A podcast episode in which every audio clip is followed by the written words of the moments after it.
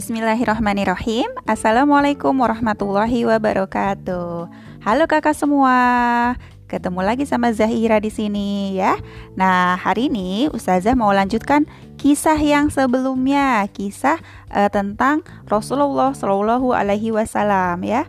Masih diambil dari buku pertama ya. Buku pertama Muhammad Ladanku yang temanya kelahiran Rasulullah. Buku dari Sigma Daya Insani Nah, sekarang kita masuk ke kisah uh, selanjutnya ya tentang nenek moyang Nabi Muhammad ya, tentang Nabi Ibrahim. Nah, hari ini kisahnya tentang Nabi Ibrahim dan Bunda Sarah ya. Oke, kita simak ya. Allah Subhanahu wa taala tidak membiarkan Nabi Ibrahim alaihi salam teraniaya, Kak.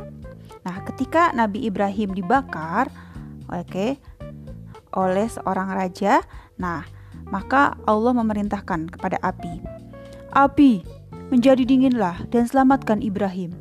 Demikian Allah berfirman kepada api. Api pun tidak dapat membakar tubuh Nabi Ibrahim alaihissalam, sehingga beliau dapat keluar dari dalam api dengan selamat. Kemudian bersama Sarah, istrinya, Nabi Ibrahim alaihissalam meninggalkan negerinya dan pergi ke Palestina.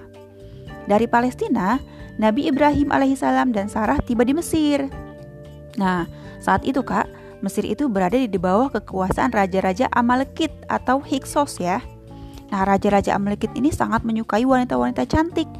Jika wanita cantik itu telah menikah, maka raja-raja Amalekit akan membunuh suaminya. Nah, kakak yang solid dan solihah, Bunda Sarah itu wanita yang sangat cantik jelita.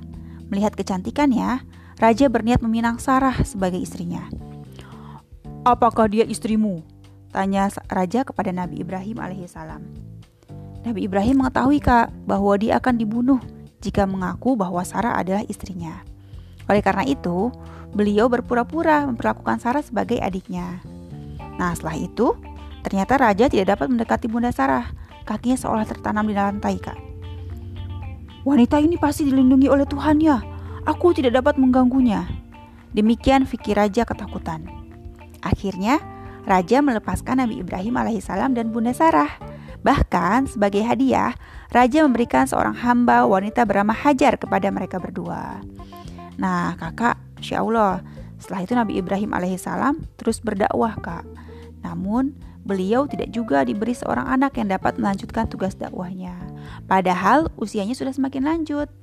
Melihat hal itu, Bunda Sarah meminta Nabi Ibrahim alaihissalam untuk menikahi Hajar. Nah, apakah Allah memberi Nabi Ibrahim seorang anak dari rahim Bunda Hajar? Ikuti kisah selanjutnya. Terima kasih sudah menyimak. Assalamualaikum.